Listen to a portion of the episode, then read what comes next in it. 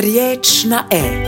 Podcast za ekološku i društvenu pravednost. O aktualnim temama održivog načina života. Aktivizam, politika, obrazovanje i ekonomija. Umjetnost, znanost, kultura. Riječ na E Podcast zaklade Friedrich Ebert za ekološku i društvenu pravednost. Danas živimo u brzom vremenu. Vremenu brzog života, brze hrane, ali i brze mode. Brza moda tek od nedavno dolazi na prijestolje važnosti brige okolišu budući da slovi kao treći najveći zagađivač na svijetu.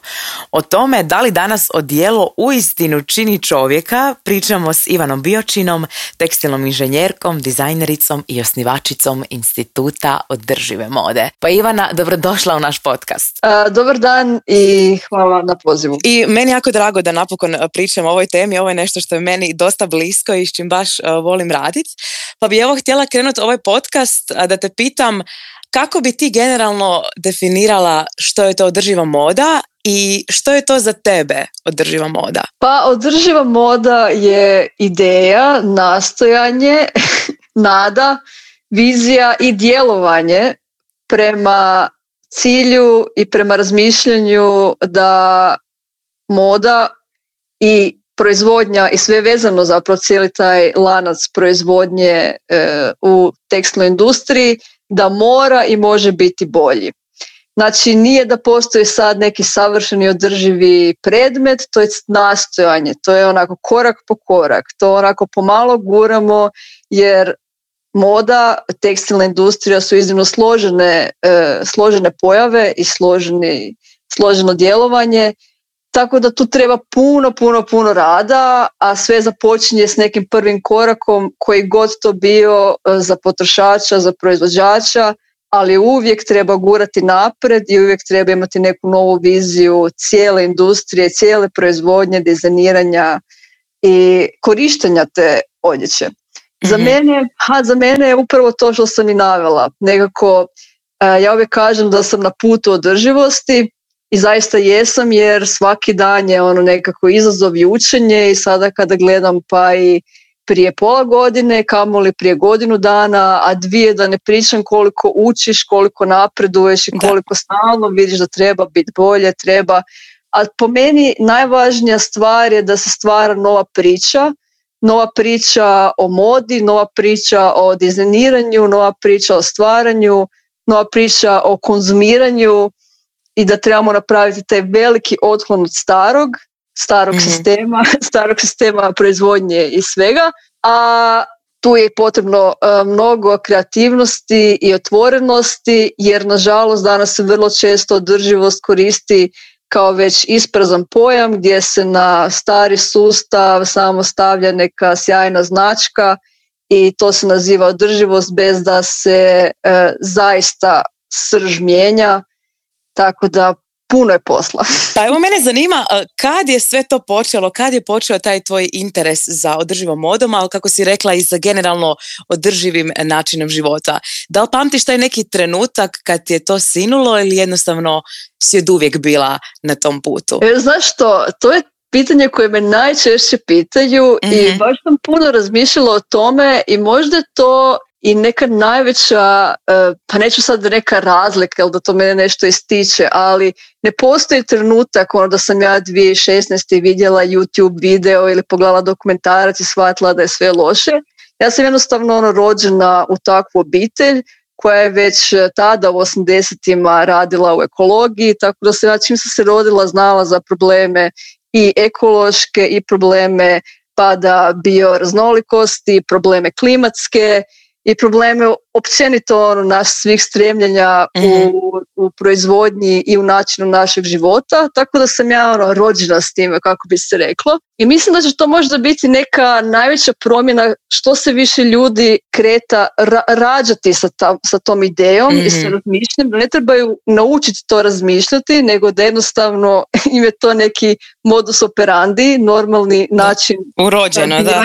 Tako je, da će se tu stvarati promjena. Jer naravno teško je ono u 20., 30., 50. naravno moguće, ali ono doživjeti taj neki trenutak pa pomalo se, pomalo se mijenjati. Tako da nam da to možda to neka najveća razlika generacijska koja će se dogoditi, će se ljudi rađati u to mhm. i sada naravno njima je izazov ono, ta cijela tjeskoba, ekološka tjeskoba koja dolazi u to, ali kad prevaziđeš to i kad shvatiš da je to neka nova prilika kreativna i da treba ono stvarati novi svijet, onda se sve otvara.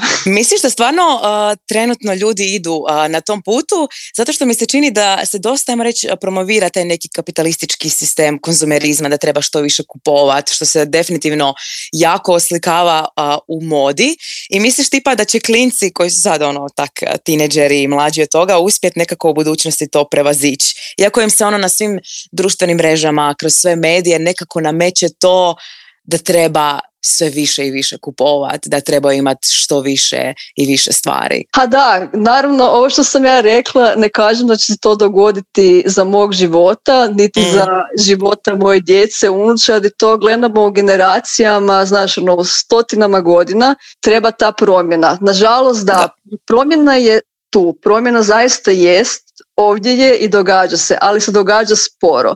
Na mhm. primjer, sada već ono možemo vidjeti e, sve sva ta istraživanja koja su vezana, na primjer, uz ovu generaciju Z, kako se zovu, znači to mhm. su sada mladi ljudi koji su vrlo, vrlo aktivni što se tiče iskazivanja e, održivih i aktivističkih ekoloških e, stremljenja na društvenim mrežama, ali zapravo se to ne priljeva u njihovo djelovanje kada kupuju stvari. Jer, na primjer, uz ovaj cijeli nekako popularnost održivosti za koju naravno i jesu oni među ostalim e, zaslužni, ali uz to vidiš i bujanje održive, to jest ultra brze mode, takozvani chain, tako da to je jednostavno, čim kreneš u održivost, što prije shvatiš da stvari idu na bolje i da stvari idu na gore i da tu dihotomiju držiš u glavi i da ostaneš zdrav, bit će ti lakše. Jer to jednostavno, jednostavno je tako, ali ono, valja se usmjeriti u smjeru u kojem ti želiš. Ako zaista osjećaš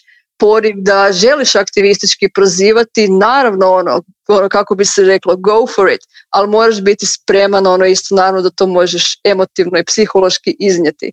Isto tako, ako mhm. želiš doprinijeti, usmjeri se ono prema promjeni, ono, usmjeri se ono, u promjenu, budi tu jer ono, ako ćeš gledati na masu, uh, bit će ti teško jer neće, masa će se vrlo, vrlo, vrlo sporo mijenjati, ali s druge strane, mislim, ono, imamo zaista sreću da smo dio Europske unije, Europa ono prednjači u tim zakonima, gura te ono zakone, tako da e, promjena naravno neće doći ako će ostati samo na nama, jer nek mora, biti neki e, zakonski okvir koji se sprovodi, znači ne samo zakoni koji stoje, nego zakoni koji će se sprovoditi. Tu će dolaziti promjena, znači sa svih strana ali da, treba biti spreman da možda tu promjenu za kojom toliko žudimo nećemo doživjeti, ali valja biti dio promjene. Vidiš, ja ti se moram pohvaliti da što se tiče baš e, specifično mode, e, meni je tu prekretnica se dogodila prije par godina kad sam ja jedno ljeto kupila pet pari sandala i od tih pet pari sandala sam nosila jedne i onda sam shvatila pa meni je bilo puno isplativije na primjer uzeti jedan full kvalitetan par sandala koji je na primjer napravljen u Europi, znam od otkud dolazi i tako dalje i kojeg mogu nositi idućih 15-20 godina nego da uzmem na primjer pet pa, pari sandala koji će ono nositi tri puta i bacit i nekako mi je to bila prekretnica kad sam u stvari odlučila to da baš želim da gledam od kud mi dolazi roba, da gledam tko ju je napravio i da gledam da je kvalitetna. Jer kad razmišljam, na primjer, ja danas mogu, mi možemo nositi robu koju su nosile naše bake, mame i tako dalje. Ali mislim si, na primjer, moje dijete ili moji unuci neće moći nositi većinu robe koju danas možemo kupiti ovako u dućanu. I nekako mi se čini da se polako to počelo pogotovo na društvenim mrežama promovirati um, taj lifestyle da ljudi malo više ipak pripaze šta kupuju, pogotovo ne znam se vidjela te kampanje koja se sad vrtila oko šina, šajna, oko toga kako, u kojim uvjetima drže radnike koje šiju robu i tako dalje. I čini mi se da u stvari e, postoji veliki potencijal danas koji može postati dosta veliki masovni pokret toga da ljudi kreću masovnije mijenjati te svoje navike kupovine? Ha, gledaj, oh, puno, puno razmišljanja na ovo sve što si navila. E, kao prvo, Naravno, e, kroz iskustvo dolazi promjena, kroz iskustvo ono, kupovanja loše, brzo modne odjeće kada ti vidiš da si potrošio ono, svoj neki budžet na odjeću koju za tri godine možeš i pogotovo ako si osviješten u tom e, smislu da te zanima u kakvim uvjetima je na kraju i proizvedena ta odjeća, ali samo možemo se mi zadržati na tome da si ti potrošač i vidiš da to je jeftina odjeća koja nije baš kvalitetna. Na primjer, ja vidim da najveća promjena se događa kod žena, imaju vrlo emotivne reakcije kada dođu, na primjer, ako su cijeli život provele u polijesteru i prvi mhm. sada odjenu neki stoljetni lan ili organski pamuk, to znaju biti vrlo ono snažne reakcije i meni je e, zbilja mnogo žena reklo da više ne mogu obući ništa sintetsko, ne mogu mm brzu modu, jer ti kad jednom to osjetiš i u ostalom to osnaženje koje ti prirodni e, materijali, teško ćeš se vratiti. Da. E sada, što se tiče promjene masovne, mislim, trebamo biti e, oprezni pri tome da ne mislimo da smo mi sada ono ta velika promjena, da smo mi sad sve to pokrenuli Mislim pa ukazivanja na sve ove probleme su počeli od kada je počela industrializacija. Mm-hmm. Veliki pokret, ono naravno u mainstream takozvani je došao od 60. ih godina kada je taj e, ekološki pokret bio.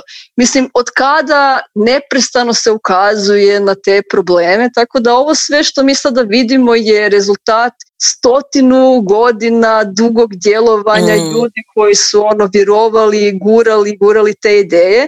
Tako da smijemo ono, opet misliti da smo mi sada sve ovo stvorili, mi smo samo ono, jedan niz koji sada opet gura, gura naprijed.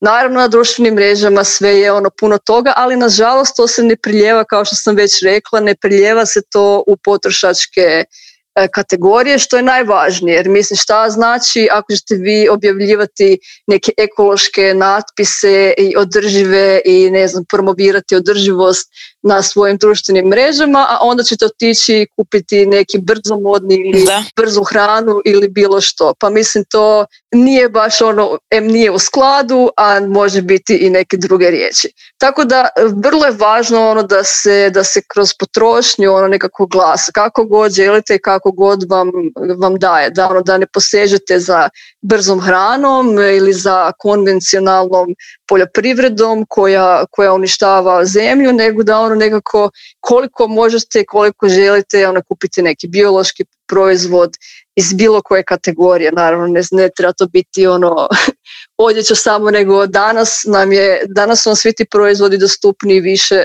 više no ikada. Tako da da, promjena se događa, ali moramo ono djelovati, a ne samo ostati pasivni promatrači e, sa strane, a još gore ono nekakvi igrači u igri, a kada treba se iskazati i napraviti taj neki pravi korak e, padamo, kako bismo rekli. Mhm. Možeš nam ispričati nešto o tvom e, brendu? E, koliko sam shvatila već pre nekoliko godina si pokrenula svoj institut održive mode. Kako je to počelo i kako ti se razvija brand sad? Pa kao prvo to nije brend Aha, moram, moram biti jasno, zato sam ga i nazvala institut održive mode. To je jedan hibrid gdje mhm. da ja proizvodim i radim održivo modu, ali podjednako toliko se bavim i sa edukacijom, sa povezivanjem, sa širenjem ideje održive mode. Evo da, otvorila sam ga, e, taman će sad biti u listopadu, službeno u listopadu 2020. u Koprivnici, nakon što sam se preselila u Podravinu, a počeo je onako službeno raditi u siječnju e, sljedeće godine tako da mhm. sve je to vrlo mlado, ali opet ono kada vidim koliko, koliko napreduje, kako se lijepo razvija, e, mogu e, samo biti zahvalna. Onako radim vrlo, nekako se razvija organski, pokušavam kroz svaki korak nekako propitivati što održivost može biti, ono što sam na početku rekla, meni je vrlo važno da se, da se priča neka nova priča, da to nije samo ono održivi predmeti sa god certifikatom i roke predmete i to je to. Ne, mm on, zaista pokušavam, e, prikazujem sve procese izrade, vodim ono ljude, prikazujem da sam ja na putu, vodim svoje žene e, na, na taj put održivosti. Ja sam, ono, učim neprestano, ono, razvijam se, slušam i ono, puno je tu, puno edukacije, kao što sam rekla, povezivanja, povezivanja sa istomišljenicima, sada već iz cijelog svijeta, pogotovo iz mhm. Europe. Tako da ono to bude podjednako da proizvodim, ali vrlo male i ograničene serije i pazim na svaki korak, na svaki mhm. korak vizualnog eh, pripovjedanja, kako pripovjedam priču, na, na svaki detalj se pazi i svaki detalj nekako se koristi za pričanje nove priče, za motiviranje i naravno u srži svega je priča jedna o povezanosti s prirodom, o snazi prirode, o potencijalu iscjeljenja jer naravno ono da taj povratak prirodi je najvažniji i da je tu taj odgovor na stranu predmeti, na star, stranu sve, ali ono taj doticaj s prirodom i da vidimo te njezne cikluse i da prestanemo održivost promatrati kroz neki sad koji otkucava jer to je mm industrijski način gledanja već da počnemo napokon gledati to kao neku cjelovitost i da smo mi ne dio prirode, nego da jesmo priroda. I možeš mi nešto reći o ovim materijalima s kojima radiš? Ja sam nešto malo e, čitala o tome i baš mi je bilo zanimljivo jer e, čini mi se da koristiš materijale za koje ovako neko prosječan čovjek u stvari nikada nije čuo u tom svijetu brze mode u kojoj mi kupujemo. Pa možeš nam objasniti malo to? Pa da, kao što sam rekla, svaki dio je pomno osmišljen za pričanje priče o održivosti, tako i način proizvodnje. E, moja svaka, način, ja proizvodim u serijama, obično je to jednom ili dva put mjesečno serije sa ono par predmeta i svaka serija, i namjerno govorim serija, a ne e, kolekcija, e, svaka serija se sastoji iz više dijelova. Naravno, to su najbolji organski materijali koji su trenutno ono, prisutni na europskom tržištu, sve naručujem e, iz Europe. To je europski organski pamuk, konoplja organska, lan, jedan poseban materijal koji ono većinom ljudi nisu možda nikad čuli za njega, a to je zapravo najstariji tekstil, stariji i od pamuka, ono, ono, što koristimo kao ono civilizacija i na koji najviše zapravo su žene reagirale je ramija, to je vlakno iz porodice koprive i onako je jedno savršno vlakno i savršni tekstil retaman između lana i pamuka, onako je mekan kao pamuk, a ima tu lijepu strukturu kao, lan. Da, lan, ono, Ramija je, Ramija je apsolutni hit i nevjerojatno mi je koliko žene reagiraju, kako se osjećaju u rami. Ja mislim, nije ni čudo jer zaista je ono, poseban predmet i ono, drevno, drevno vlakno, tako da ima u sebi sve te priče. Znači, to je jedan dio, to su organski materijali, drugi dio je, ja to zovem, stoljetni podravski lan, to je lan koji ja pronalazim ovako tu u Podravini, obično je star između ono, 40, 50 do 70, 80 godina i ponekad kad imam sreće mogu znat koga je istkao i to je ono većino tu sa sjevera, e, sjevera Hrvatske i to možemo to nazvati taj upcycling ili prenamjena mhm. gdje koristim te starinski lan, a koristim i neki starinski pamuk koji nađem koji isto ako tu nekih od nekih ono žena, gospođa koje imaju e, još uvijek u nekim svojim skrinjicama te starinske materijale. fenomenalno, fenomenalno. Da, da, to se zove upcycling, to je isto jedan jako važan dio održivosti. E, kod nas se to kaže prenamjena, znači kada da. neke isto stare predmete ovoga, koristite i radite mu neku novu svrhu. Zatim, e, to je kao neki moj naklon našem velikom nasljeđu koji je vezan o sirovine E, zatim e, koristim i kada pronađem recimo neke e, najbolje odjevne predmete iz naše bogate tekstilne industrije, bilo da je to ono neka duga resa, imam sad recimo sam dobila jednu balu materijala pamuka iz duge rese ili volim pronaći ono, neke muške košulje od, od pamuka, pa onda njih bojadišem, to jest bojam, možda da ljudi ne budu zbunjeni, ali bojadišem je tehnički termin, bojam sa prirodnim e, lokalnim, e, sa prirodno lokalnim biljkama i tako nekako e, dajem neki novi život tim starijim predmetima. mm što još, da tu bude tih nekih starinskih, što nađem, starinskog pamuka, starinskih predmeta i daj, to je to prirodno, prirodno boja disanje mm To je mhm. neki, neko povezivanje sa, sa lokalnom prirodom gdje koristim isto tako ono, vodim na put kroz cijelu godinu gdje sezonski sve što možemo kroz tu godinu naći, evo tu ja sam na sjeveru Hrvatske, možemo naći u prirodi i uvijek isto pokažem i motiviram da i sami možete doma to eh, bodisati i na primjer ja isto volim E, neke predmete koje imam, svako malo ih bacim samo u neku kupelj i tako neprestano imate nešto novo, neprestano dajete novi život, a jednako tako stvarate tu sponu s prirodom jer imate utkano u taj materijal neku biljku, maj, ne znam, gospinu travu ili neku ono snažnu biljku, mhm. tako da sve je, sve je u nekom tom pričanju da možemo oko sebe iskoristiti sve što imamo Naravno, postoje sjajni moderni materijali i stalno se razvija nešto novo i stalno ono to diže na višu i višu razinu. Tako da održivost može biti što god vi želite, samo je važno onako neki svježi pogled otvoreni na vašu okolinu i krenuti u stvaralaštvo. Ovo mi stvarno zvuči fenomenalno jer uistinu svaki komad koji napraviš, svaku tkaninu koju imaš je stvari definitivno unikat i razlikuje se od svega drugoga. Zanima me još kako ljudi reagiraju i gdje te ljudi nađu, kojim putem tvoji klijenti uh, dođu do tebe i koji su im prve reakcije.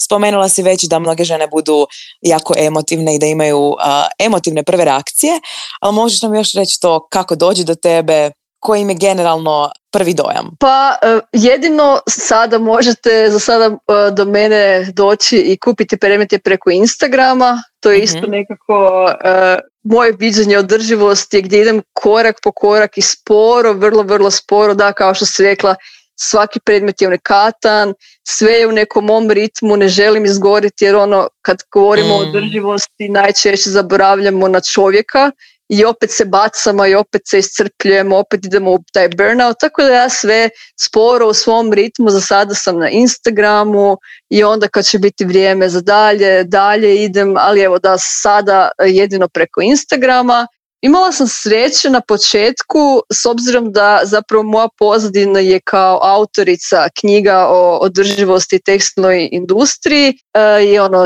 radila sam neka druga ono djela tako da sam imala neku mini bazu ljudi koji su pratili moj rad pa kad sam se pojavila, a ja nikad nisam bila na društvenim mrežama mhm. i znala sam da ću morat kad sam otvorila obrt onda se to nekako jako brzo proširilo i mogu reći da baza neka od početka je ostala stalna i jedno 80% kupaca 90 su mi stalni.